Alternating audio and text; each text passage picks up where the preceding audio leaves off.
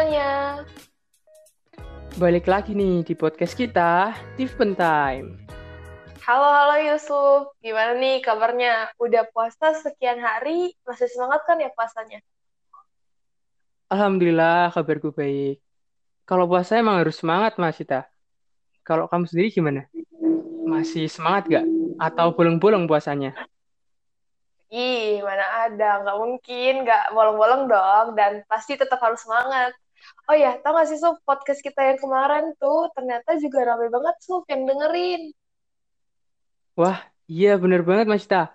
Oke, bagi teman-teman pendengar yang belum dengerin podcast kita sebelumnya, bisa banget didengerin di Instagram, terus kalian bisa cari at UKM Peduli Sosial, lalu klik simbol IGTV, terus kalian bisa swipe-swipe ke bawah dikit tuh. Terus nanti ada poster dengan tema Siga Bencana, Terapkan Mitigasi Bencana. Dengerin ya teman-teman. Ya, dengerin ya pokoknya karena itu seru banget kita kemarin bahas mitigasi bencana lumayan dalam di sana. Dan mm, di episode 6 kali ini kita mau bahas apa sih, Suf? Oke, jadi di episode kali ini kita itu mau ngebahas tips dan trik sebelum masuk kembali ke kampus. Kira-kira eh, kita udah satu tahun lah ya belajar dari rumah. Pastinya kangen banget nih suasana kampus. Pasti teman-teman pendengar udah pada kangen kan sama suasana kampus. Iya udah lama banget ya. Pasti kangen banget sama kampus.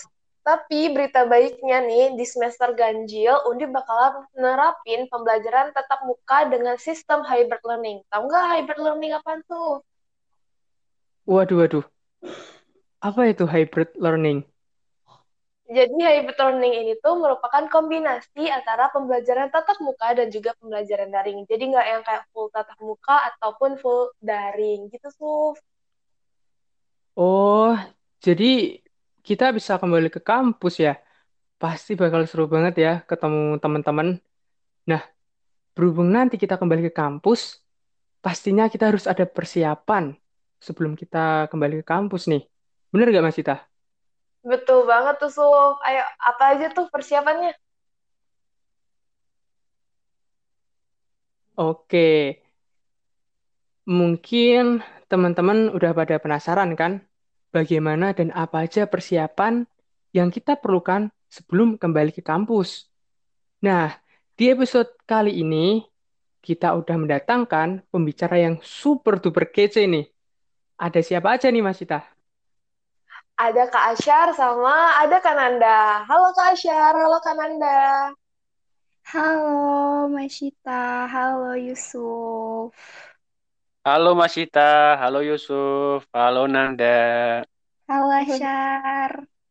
Ih, dari suaranya udah semangat banget nih. Kak Asyar sama Kak Nanda, apa kabar Kak? Baik, Alhamdulillah. Gimana kalian kabarnya? Aku Alhamdulillah baik juga. Kak Asyar gimana Kak? Alhamdulillah baik-baik banget walaupun puasa lapar kayak gini aus tapi ya tetap semangat. Apalagi ini apa ya udah ada info-info mau kuliah offline jadi tambah semangat lagi dah. Oke. Siap, makin semangat ya. Semakin semangat juga mau cerita-cerita nih di podcast kita. Kita belum dengerin kabar dari Yusuf. Gimana, Yusuf? Kabarnya, Yusuf? Oke, aku dilupakan ya ini ya. Alhamdulillah kabarku baik. Oke. Alhamdulillah kan kita kabarnya baik-baik semua nih. Mungkin kita lanjut nih ke perkenalan. Mungkin Kak Nanda sama Kak Syar boleh perkenalan dulu. Mungkin dari Kak Nanda dulu deh. Kan ladies first kan. Oh iya iya iya bisa. Oke, sebelumnya perkenalkan teman-teman semua, nama aku Ananda Fatia Mazaya, biasa dipanggil Nanda dan aku adalah mahasiswa semester 6 Fakultas Psikologi Universitas Diponegoro. Gitu. Halo Kak Nanda. Nah, Halo. nah kita boleh lanjut ke Kak Asyar nih. Boleh perkenalan Kak? Ah, oke oke boleh boleh. Halo teman-teman semua, halo Mas Ita, halo Yusuf, halo Nanda. Kenalin, nama aku Asyarun Yusuf, biasa dipanggil Asyar. aku dari jurusan antropologi sosial Universitas Diponegoro sama sih sama kayak Nanda aku semester 6 dan insya Allah satu tahun ke depan bakal pindah dari Undip gitu mau lulus Waduh. Amin, amin, amin. Waduh, Amin. Ntar lagi lulus. Amin ya teman-teman. Semoga kita doain sekalian Kak Asyar sama, sama Kak Nanda eh, tahun depan udah lulus. amin dong Amin. Oh ya, oh ya, ini kalau teman-teman bagi teman-teman yang belum tahu nih, Kak Nanda itu adalah wakil ketua UKM Peduli Sosial Universitas Diponegoro tahun ini tahun 2021. Jadi keren banget kan ya, Su? Kenalin juga nih teman-teman. Kak Asyar itu ketua dari Divisi Pendidikan UKM Peduli Sosial Undi. Wah, keren-keren pokoknya pembicara kali ini nih. Iya, selain keren-keren, kita kayaknya harus hati-hati juga deh. Salah-salah kita bisa di SP nih. Jangan-jangan. Wah, iya nih. Bahaya nih ya kita. Oh iya, sebelumnya terima kasih ya Kak Nanda sama Kak Asyar udah mau jadi pembicara di podcast kita kali ini. Pokoknya keren banget nih episode kali ini nih. Oh iya, ngomong-ngomong nih, kita kan udah lama ya di rumah aja dan udah lama juga nggak ketemu nih sama teman-teman. Atau bahkan kita tuh eh, nggak ngerasakan gitu, belum merasakan lagi gitu eh, suasana berkumpul sama orang banyak. Nah, mungkin kita nih ada rasa nervous kalau ketemu lagi sama teman-teman kita, apalagi sebelumnya juga kita kan kuliah daring gitu lewat online gitu. Nah, kamu sendiri gimana Mas Cita? Ngerasain apa yang aku rasakan nggak? Asik. Aduh, agak baper nih dengernya. Ya, tapi aku juga merasakan apa yang kamu rasa.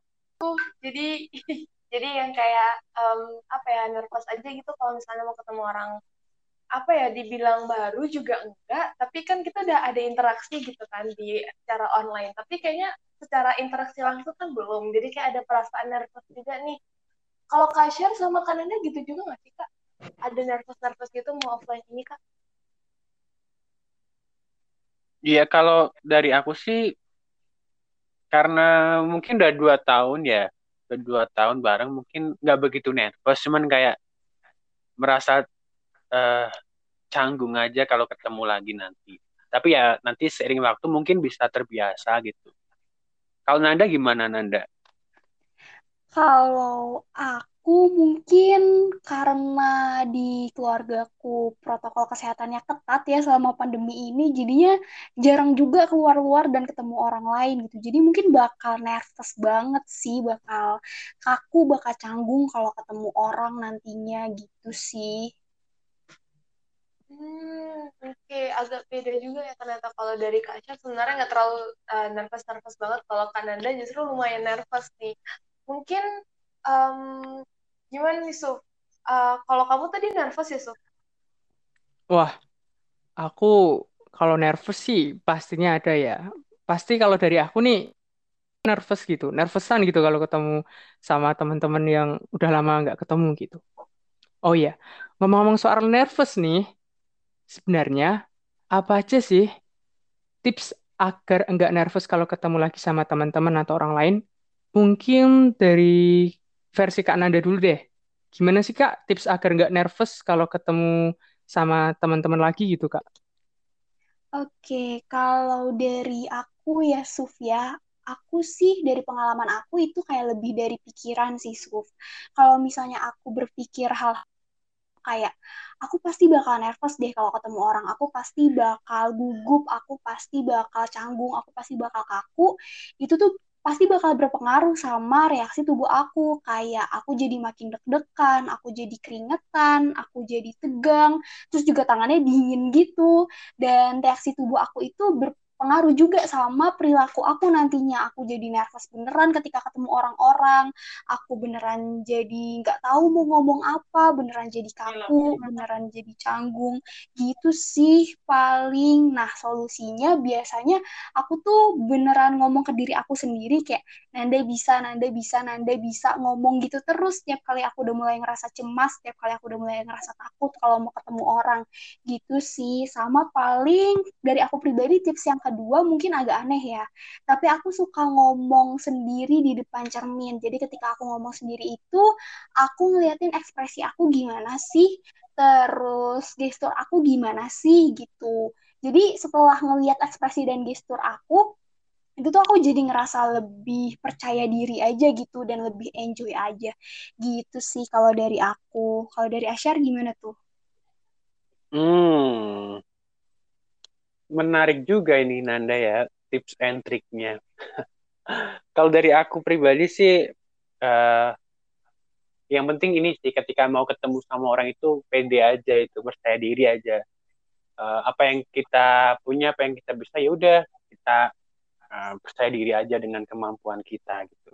Karena uh, per, kalau kita udah menanamkan percaya diri, otomatis mulai dari mindset kita terus uh, gerak tubuh kita akan berpengaruh juga gitu. Karena kita udah yakin bahwa dia, kita itu ya bisa gitu. Dan kita uh, punya rasa percaya diri tinggi untuk ketemu sama orang nggak insecure nggak dan sebagainya gitu. Itu yang pertama jadi aku sih percaya diri. Terus mungkin buat teman-teman nih yang yang kedua ya yang kedua buat teman-teman yang terutama yang maba-maba, yang mahasiswa baru, yang sama sekali belum pernah ketemu sama teman-teman satu kelasnya, bahkan satu kelompok uh, matkul yang belum pernah ketemu.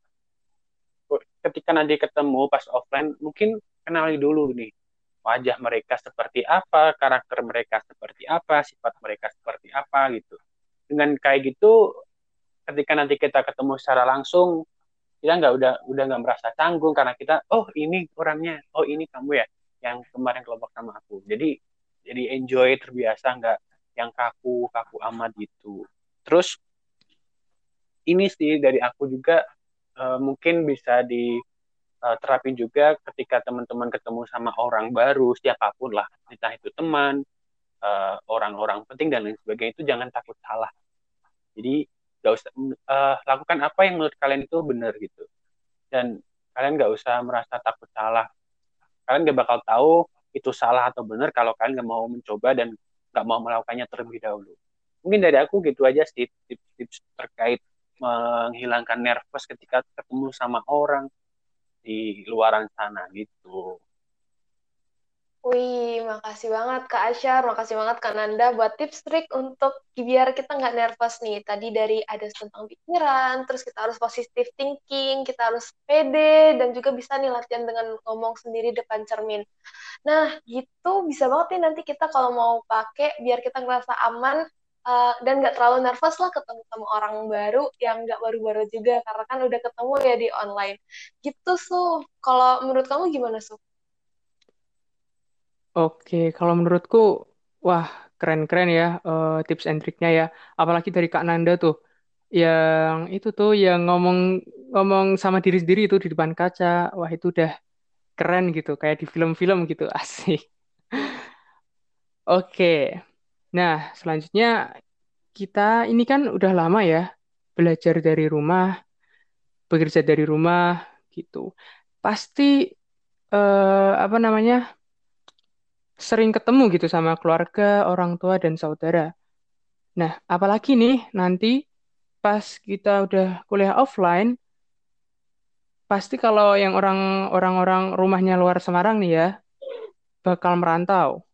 Terus eh, bakal entah nanti di Semarang ngekos atau di rumah keluarga yang satunya gitu. Pokoknya kita tuh eh, jauh dari keluarga gitu. Nah, aku tuh mau curhat nih. Kadang tuh ya kalau aku di kos itu tuh suka ngerasa homesick gitu, rindu gitu sama suasana rumah gitu. Karena kan eh, kita kan jauh gitu ya dari keluarga kita, saudara kita, dan teman-teman kita bahkan di sana. Kalau dari Mas Ita, ngerasain gitu juga nggak, Mas? Iya sih, aku karena kan kita angkatan kita paling nggak masih pernah ya sub offline walaupun cuma satu semester gitu kan. Dan aku pernah mungkin ngerasain kayak nggak mungkin nggak parah-parah banget sih, tapi ada perasaan kangen banget nih sama rumah, kangen banget sama keluarga. Kayak kalau misalnya kalau makan tuh ada nih apa ada keluarga, ada ayah, ada adik-adik juga kan. Kayak tapi bukannya kan kamu kan di Semarang, Suf. Emang kamu ngerasain homesick?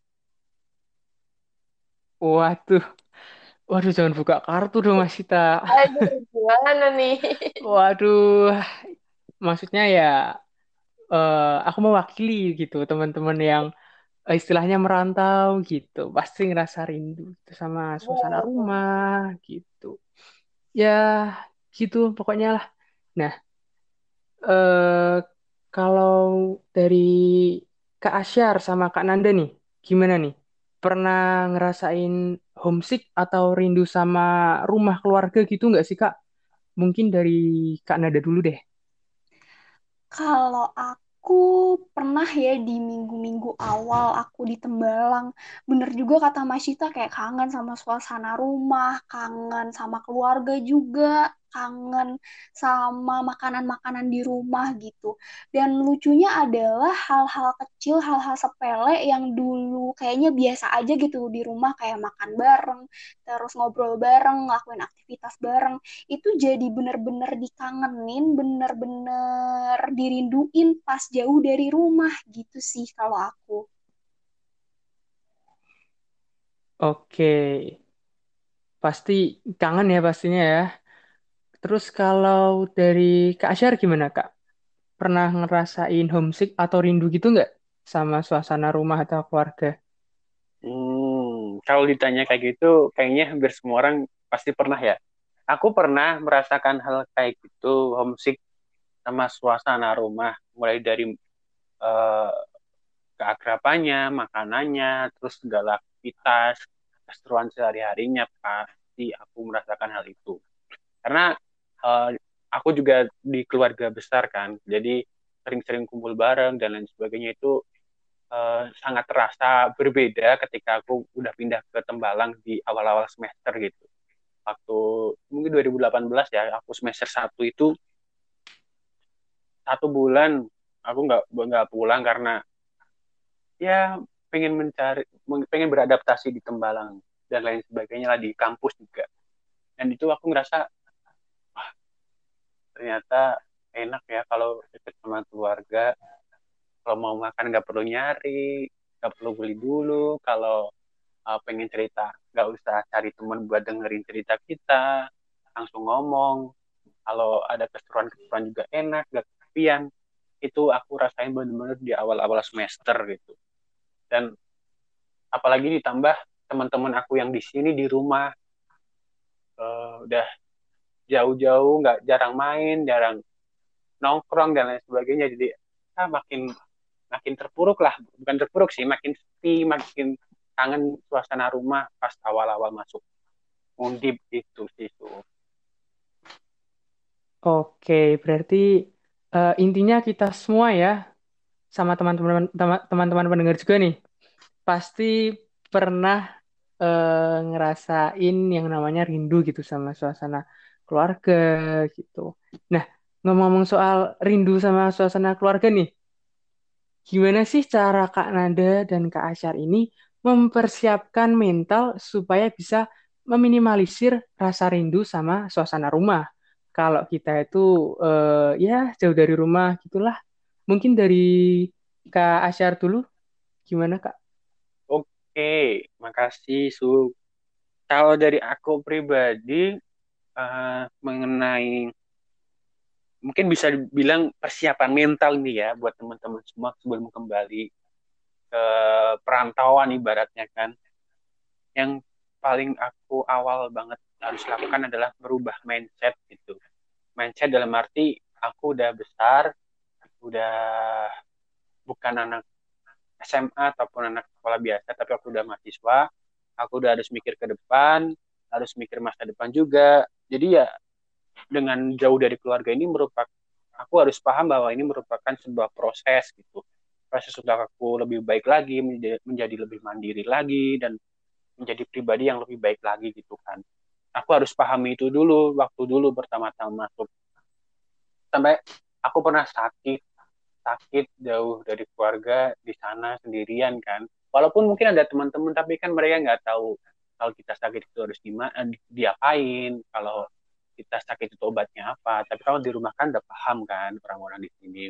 Jadi kayak kayak lah nggak enak banget sakit sakit kayak gini di sendirian kayak nggak punya siapa-siapa gitu. Tapi habis itu kayak eh, nggak boleh kayak gitu. Lu ke sini tuh mau belajar mau masa depan buat masa depan. Jadi nggak usah mikir yang negatif-negatif positif aja. Ini anggap aja ini cobaan gitu. Kamu harus jalanin gitu. Mungkin itu terus mindset ya yang pertama. Terus yang kedua sih sering-sering ini uh, untuk mengurangi homesicknya sering-sering komunikasi sama keluarga aja. Telepon video call ataupun wa boleh ataupun uh, ya bisa mungkin lah komunikasinya itu dijaga baik dari dari orang tua kakak adik dan lain sebagainya itu tetap harus dijaga dengan baik gitu mungkin itu aja sih dari aku untuk mempersiapkan diri sebelum terjun ke perantauan ya gila perantauan. Udah kayak pekerja. Tapi emang aku bisa bilang perantauan karena suasananya pun setelah aku sharing-sharing sama temen aku yang bekerja pun hampir sama sih. Apa-apa kita sendiri dan lain sebagainya. Mungkin bedanya cuma kalau mereka yang bekerja itu mendapat uang gaji nah kita menghabiskan uang. Menghabiskan uang tapi oke okay, kan berbedaan dan suatu kepentingan yang berbeda kan itu so oke ya berarti intinya kita uh, harus sering-sering berkomunikasi gitu ya sama keluarga dan kalau misal kita dalam perantauan tuh jangan disesali lah. Anggap aja ini sebagai proses untuk jenjang kita selanjutnya gitu. Asik. Hmm, Oke. Okay. Iya benar benar benar. benar kan? Iya. iya. Oke. Okay. Selanjutnya kalau dari versi Kak Nanda gimana nih Kak Nanda? Versi aku kalau untuk mempersiapkan mental kayaknya sama ya kayak Asyar mempersiapkan mindset dulu intinya gitu. Sama kalau dari aku paling aku selalu menerapkannya di setiap semester aku nggak balik mepet-mepet sama waktu kuliah sih. Jadi aku balik di misalnya seminggu atau lima hari sebelum kuliah. Jadi ada waktu waktu di mana aku adaptasi dulu gitu sama tembalang, adaptasi dulu hidup sendiri dan lain sebagainya. Gitu sih kalau persiapan mental dari aku. Terus abis itu gimana sih cara aku menanganinya ketika pertama kali aku ngalamin homesick di Tembalang itu adalah dengan aku me time banyak-banyak gitu. Karena aku kan tipe orang yang introvert ya. Aku merecharge energi aku aku mengisi kembali energi aku dengan cara aku sendirian. Jadi aku banyakin me time sih saat itu. Aku keliling Semarang pakai BRT sendirian cuma bermodal Google Maps, kesasar ke mana-mana, jalan-jalan ke Paragon, jalan-jalan ke Gramedia, ke DP Mall, nonton sendirian, ke tempat oleh-oleh segala macam itu sendirian sih. Dan itu beneran ngatasin banget homesick aku saat itu. Dan setelah pulang ke kosan rasanya proud banget sih ngerasa bangga banget sama diri sendiri. Oh ternyata aku bisa loh hidup sendirian aku bisa survive sendirian. Gitu sih kalau saran dari aku. Tapi balik lagi menurut aku dikembalikan ke orangnya masing-masing. Kamu tipe orang yang seperti apa? Apakah tipe yang kayak aku yang introvert yang emang cara ngatasinnya bisa dengan me time? Ataukah tipe yang extrovert yang emang bisanya nongkrong-nongkrong sama teman-teman cari teman di sini? Atau ke kosan teman? Kayak gitu sih kalau dari aku Oke.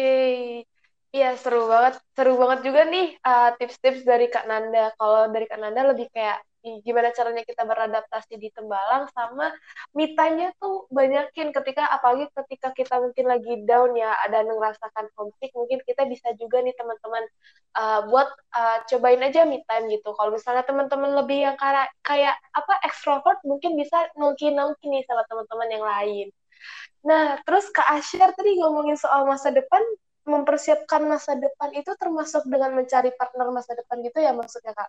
Jadi kayak... Waduh, waduh. ya. Waduh.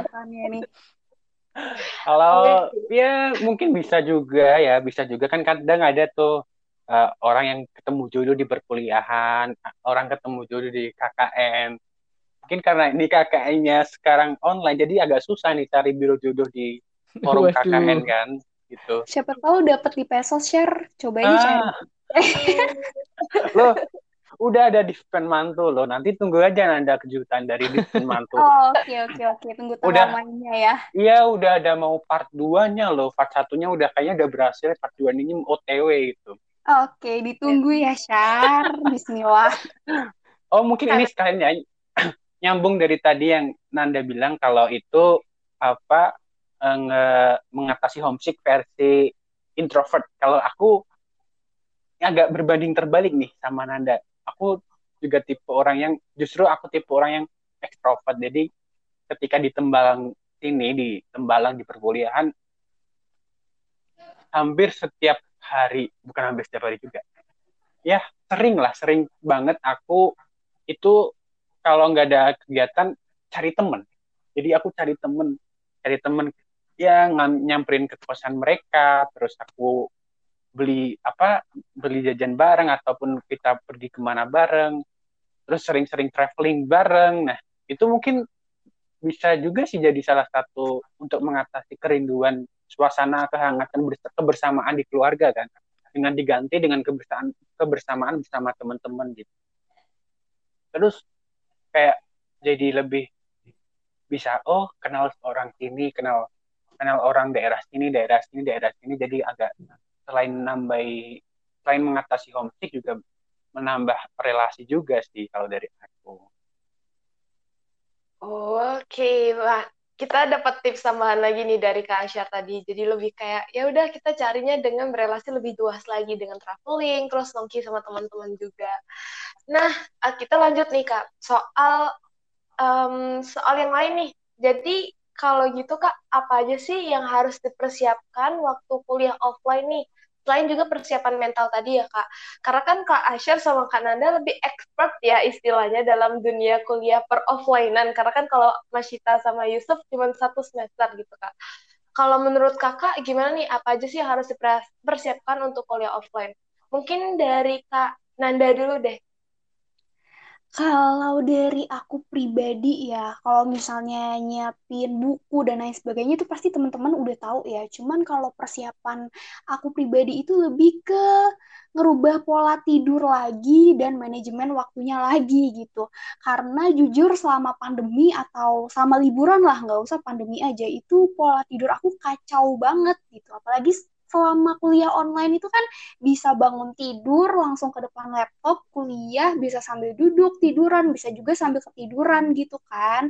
Sedangkan kalau misalnya kita kuliah offline itu kan harus bangun tidur siap-siap ke kampus terus di kelas nggak bisa tidur di kelas nggak bisa ngantuk kadang ditegur juga sama dosen. Terus juga harus sepenuhnya mindful karena nggak ada rekaman kayak di Microsoft Teams kan yang bisa di download dan didengerin beberapa minggu kemudian. Jadi pola tidur tidur menurut aku perlu banget sih buat dirubah beberapa minggu sebelum masuk kuliah gitu. Sama yang satu lagi manajemen waktu karena selama kuliah online ini kan kita sering banget ya nah yang namanya nyambi, sering banget multitasking. Kadang kuliah sambil ngerjain tugas, kadang ngerjain tugas sambil rapat, kadang rapat sambil nyambi rapat yang lain. Jadi banyak banget multitasking kita di zaman online ini. Sedangkan belum tentu itu bisa dilakuin di perkuliahan offline. Kayak kita nggak bisa ngerjain tugas saat di kelas dosen menjelaskan terus kita juga nggak bisa nyambi rapat karena rapat satu dan rapat yang lainnya bisa jadi beda tempat dan beda jauh gitu tempatnya. Gitu sih jadi harus dipersiapkan banget manajemen waktunya harus latihan manajemen waktu lagi sebelum perkuliahan offline. Oh iya yeah, dan fun fact aja sih sebenarnya sebenarnya tuh uh, multitasking itu mitos gitu. Jadi otak kita cuma bisa terfokus sama satu kegiatan di satu waktu. Nggak bisa beberapa kegiatan yang berbeda di waktu yang sama. Ketika kita melakukan kegiatan yang macam-macam di waktu yang sama, itu tuh otak kita nggak bisa fokus dan hasilnya nggak akan maksimal. Itu sih sebenarnya nambahin fun fact dikit aja. Oke, aku agak tertegun sedikit karena aku tim yang absen tidur terus download Teams gitu ya aduh jadi aku baru iya. ingat kalau kayak kita offline nggak ada lagi ya kita download aduh iya bener banget oke nah kalau dari Kak Aisyar gimana nih Kak uh, apa ya apa aja sih yang perlu kita perhatiin untuk kuliah offline nanti Kak Oke, kalau dari aku sih tadi yang dibilang Anda juga benar ya. Kita harus merubah uh, manajemen waktu dan lain sebagainya gitu. Benar banget. Selain itu, kalau dari aku mungkin ini si fisik ya. Fisik uh, sebelum kan beda tuh ketika online dengan offline.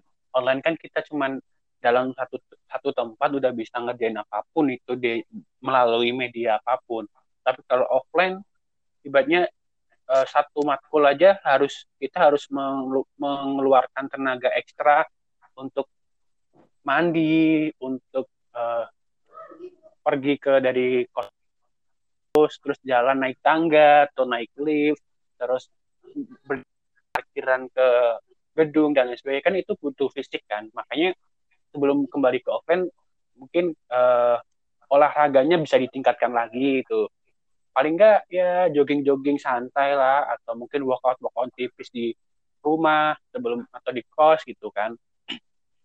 Itu habis itu ini sih mungkin buat teman-teman yang mahasiswa baru mungkin belum tahu ya apa namanya hmm, sistematika kuliah offline gimana? Kayak misalkan harus datang ke kampus jam berapa menit ke berapa sebelum perkuliahan dimulai terus uh, apa harus ngubungin ke siapa ketika ada permasalahan di kelas dan lain sebagainya. Mungkin itu bisa dipahami dan bisa tanya-tanya ke cuttingnya masing-masing gitu.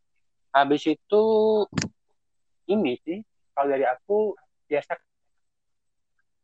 biasakan dari rumah di rumah di sekarang ini apa-apa itu sendiri nyuci sendiri nyetrika sendiri dan lain sebagainya. Kalau bisa belajar masak sendiri gitu.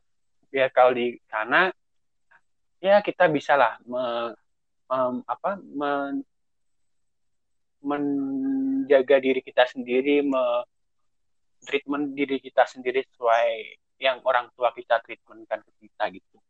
Sama jangan lupa cari kos-kosan gitu. jangan lupa cari kos-kosan. Awas kalau kalian telah cari kos-kosan bisa jadi dapatnya yang sisa-sisa dengan harga yang pasti lebih mahal gitu mungkin dari sekarang bisa tuh booking booking dari sekarang bilang aja bu saya atau pak saya kos di sini ya buat uh, semester depan karena udah offline katanya gitu cepet-cepet aja uh, buru-buru ke Tembalang buat mahasiswa baru yang belum punya kosan atau yang belum belum paham tentang perdunia kosan di Tembalang. Karena mungkin agak tercengang ya dengan harga-harga kosan di Tembalang yang super super ya kan? Betul betul. Jadi aku aja dulu cari kosan tuh benar-benar selektif harus antara uh, fasilitas sama harga sama jarak ke kampus itu cocok kalau enggak ya kita cari lagi. Itu perlu ah apa ya perlu pertimbangan banyak. Jadi segeralah cari kos-kosan teman-teman. Sama itu aja cari tempat makanan favorit. Soalnya di Tembalang juga makanannya banyak dan kalau aku pribadi sih nggak semuanya sesuai dengan selera aku yang ada di rumah gitu. Makanya aku agak selektif eh, terkait masalah makanan. Cari tempat yang enak. Yang penting enak aja deh kalau harga mah pasti menyesuaikan tapi enak itu susah. Kadang di Tembalang tuh makanannya murah tapi nggak enak. Ada juga yang mahal tapi juga rasanya nggak cocok gitu itu sih. Mungkin dari aku itu aja Oke, kita dapat banyak banget tips-tips dari Kak, uh, tips-tips tambahan dari Kak Asyar. Tapi Kak Asyar aku jadi keinget deh, kan tadi Kak Asyar ada yang ngomongin soal offline itu kita juga perlu mempertimbangkan soal waktu nih. Nah itu bener juga sih kayak kita kalau misalnya kita off offline, eh ini offline online ya, sorry. Kalau kita online kan kita bangun tidur di waktu jam mata kuliah itu masih aman kan. Tapi kalau di Tembalang itu kayak kita perlu banget untuk cepet-cepetan sebelum uh, masuk kelas. Karena cepet-cepetan datang sebelum masuk kelas. Karena kan kadang kalau misalnya ada kegiatan ya itu kan undip macet banget ya masuk ke, ke masuk apa ke kampusnya itu kan macet banget. Jadi kayak aduh harus hati-hati juga memperhatikan waktu untuk ke kampus bener banget ya ya nggak Suf? Gimana Suf? Kalau dari kamu Suf? Oke, mungkin aku uh, mau nyimpulin nyimpulin semuanya gitu ya dari pendapatnya Kak Asyar sama Kak Nanda. Oke, pokoknya uh, sebelum kita kembali ke kampus nih, pokoknya kita tuh harus uh, lebih memperbaiki pola tidur kita nih. Yang sebelumnya kita tuh kalau kuliah online itu sering ketiduran atau uh, apa ya, sering-sering uh, ya pokoknya kacau lah pola tidurnya. Nah itu mungkin bagi teman-teman pendengar nih yang mau kembali kampus nih, itu bisa diperbaiki lagi. Terus untuk uh, manajemen waktu nih, bagi teman-teman pendengar yang uh, sebelumnya nih, sebelumnya enggak sebelumnya sih, maksudnya saat ini nih online kan pasti banyak tugas ya. Jadi uh, lebih enak aja gitu kalau ngerjain. Nah beda beda lagi sama offline, di mana kita kalau uh, belum ngerjain tugas gitu, kita uh, gimana ya? Kayak nggak bisa gitu ngerjain tugasnya itu pas lagi jam pelajaran uh, mata kuliah dosen gitu, apalagi di depan dosennya tuh, pasti kalau ketahuan dimarahin kan. Nah, maka dari itu kita uh, harus memperbaiki manajemen waktu kita, di mana uh, kapan kita harus ngerjain tugas, uh, pokoknya harus mengutamakan uh, masalah kuliah dulu lah gitu. Terus habis itu uh, fisik ya, mungkin sebelum online tadi seperti yang Kak Syar sampaikan, fisiknya tuh uh, harus kuat ya, ekstra kuat ya. Karena kan sebelum apa ya, sebelum kita menghadapi gitu, asik menghadapi, menghadapi uh, eh, SKS yang banyak gitu, misal satu hari 6 SKS, wah itu pasti, wah itu pasti capek gitu ya. Maka dari itu, uh, kalau dari Kak Syar, sering-sering olahraga ya Kak ya, biar fisiknya itu, wah nggak ngantuk gitu. Melek yeah, terus gitu kalau hmm, misal yeah. dosen menjelaskan gitu. Terus yang terakhir nih uh, cukup penting juga nih dari Kak Asyar tadi uh, bagi mahasiswa-mahasiswa yang baru atau mungkin yang uh, merantau mau balik lagi nih ke apa namanya Semarang kalau misalnya kuliahnya di Undip itu uh, apa namanya pokoknya harus cari kos-kosan lah mulai dari sekarang karena kalau misal kita nggak mencari kos-kosan gitu. Nanti pas waktu apa ya pengumuman online eh online sorry offline maksudnya pengumuman offline itu keluar pasti pada rebutan gitu kan kos-kosannya. Nah mungkin bagi teman-teman nih yang mau berangkat ke kampus kembali ke kampus itu bisa banget gitu cari kos-kosan mulai dari sekarang atau mungkin nge-booking dulu gitu sama ibu kos-kosannya kita WA uh, eh, mohon maaf ibu. Bisa booking nggak ya? Kos-kosannya karena katanya tuh uh, bulan bulan depan bulan ini itu udah mulai offline lagi bu. Mohon mohon di itu ya bu. Di apa namanya? Di bookingin dulu ya bu gitu. Nanti masalah TP gampang lah asik. Misalnya gitu. Oke. Wah pokoknya uh, gitulah. Oke seru seru banget ya ini ya Mas Cita gimana seru banget gak nih Iya, aku aku sih jujur seru banget sih karena uh, yang pertama kita ketemu sama narasumber yang keren-keren banget dan kedua kita dapat lebih siap nih untuk uh, kuliah offline karena nggak sabar juga kan untuk kuliah offline. Wah iya pasti aku nggak sabar nih. Aku juga nggak sabar ketemu teman-teman gitu. Tapi kalau untuk ketemu kamu Mas Cita, aku udah bosan nih Mas Cita. enggak enggak bercanda. Aduh sedih ah jadinya.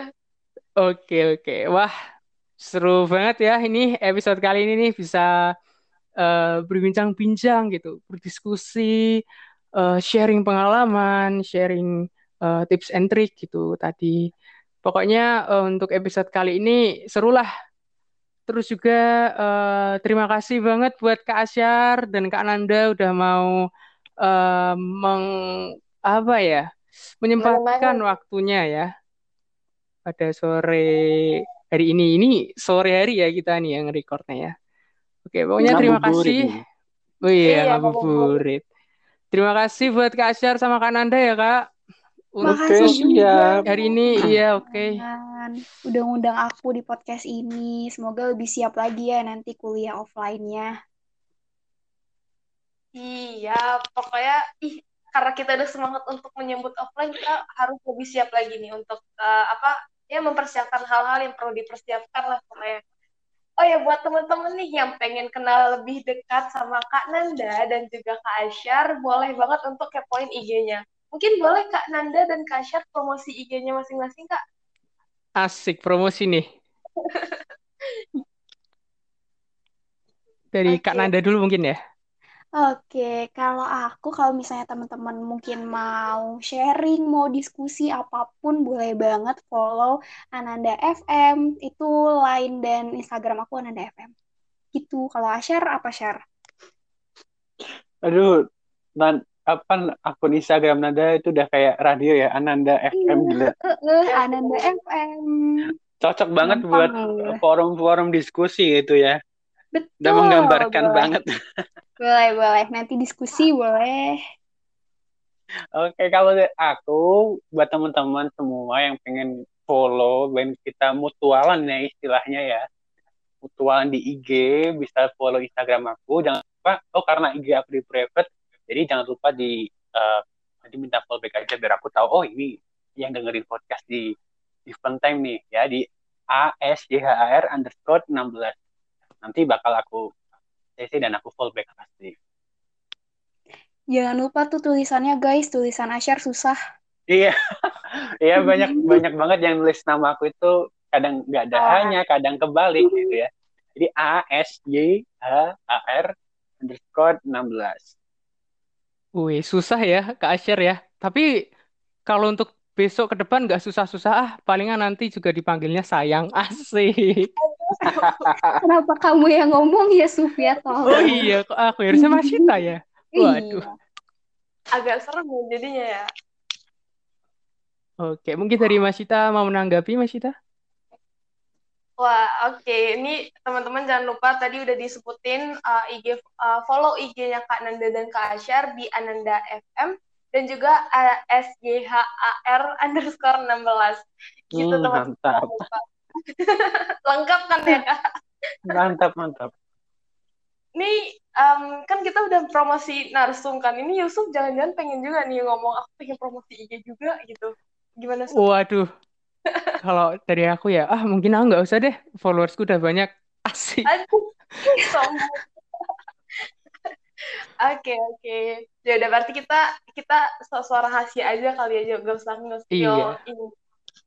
Oke, baik. Terima kasih banyak Kak Asyar dan terima kasih juga Kak Nanda untuk semua apa ya sharing-sharing dan juga tips trik dari pergi ke kampus, persiapan pergi ke kampus nantinya. Dan juga jangan lupa untuk tetap jaga kesehatan dan sampai jumpa di episode selanjutnya teman-teman.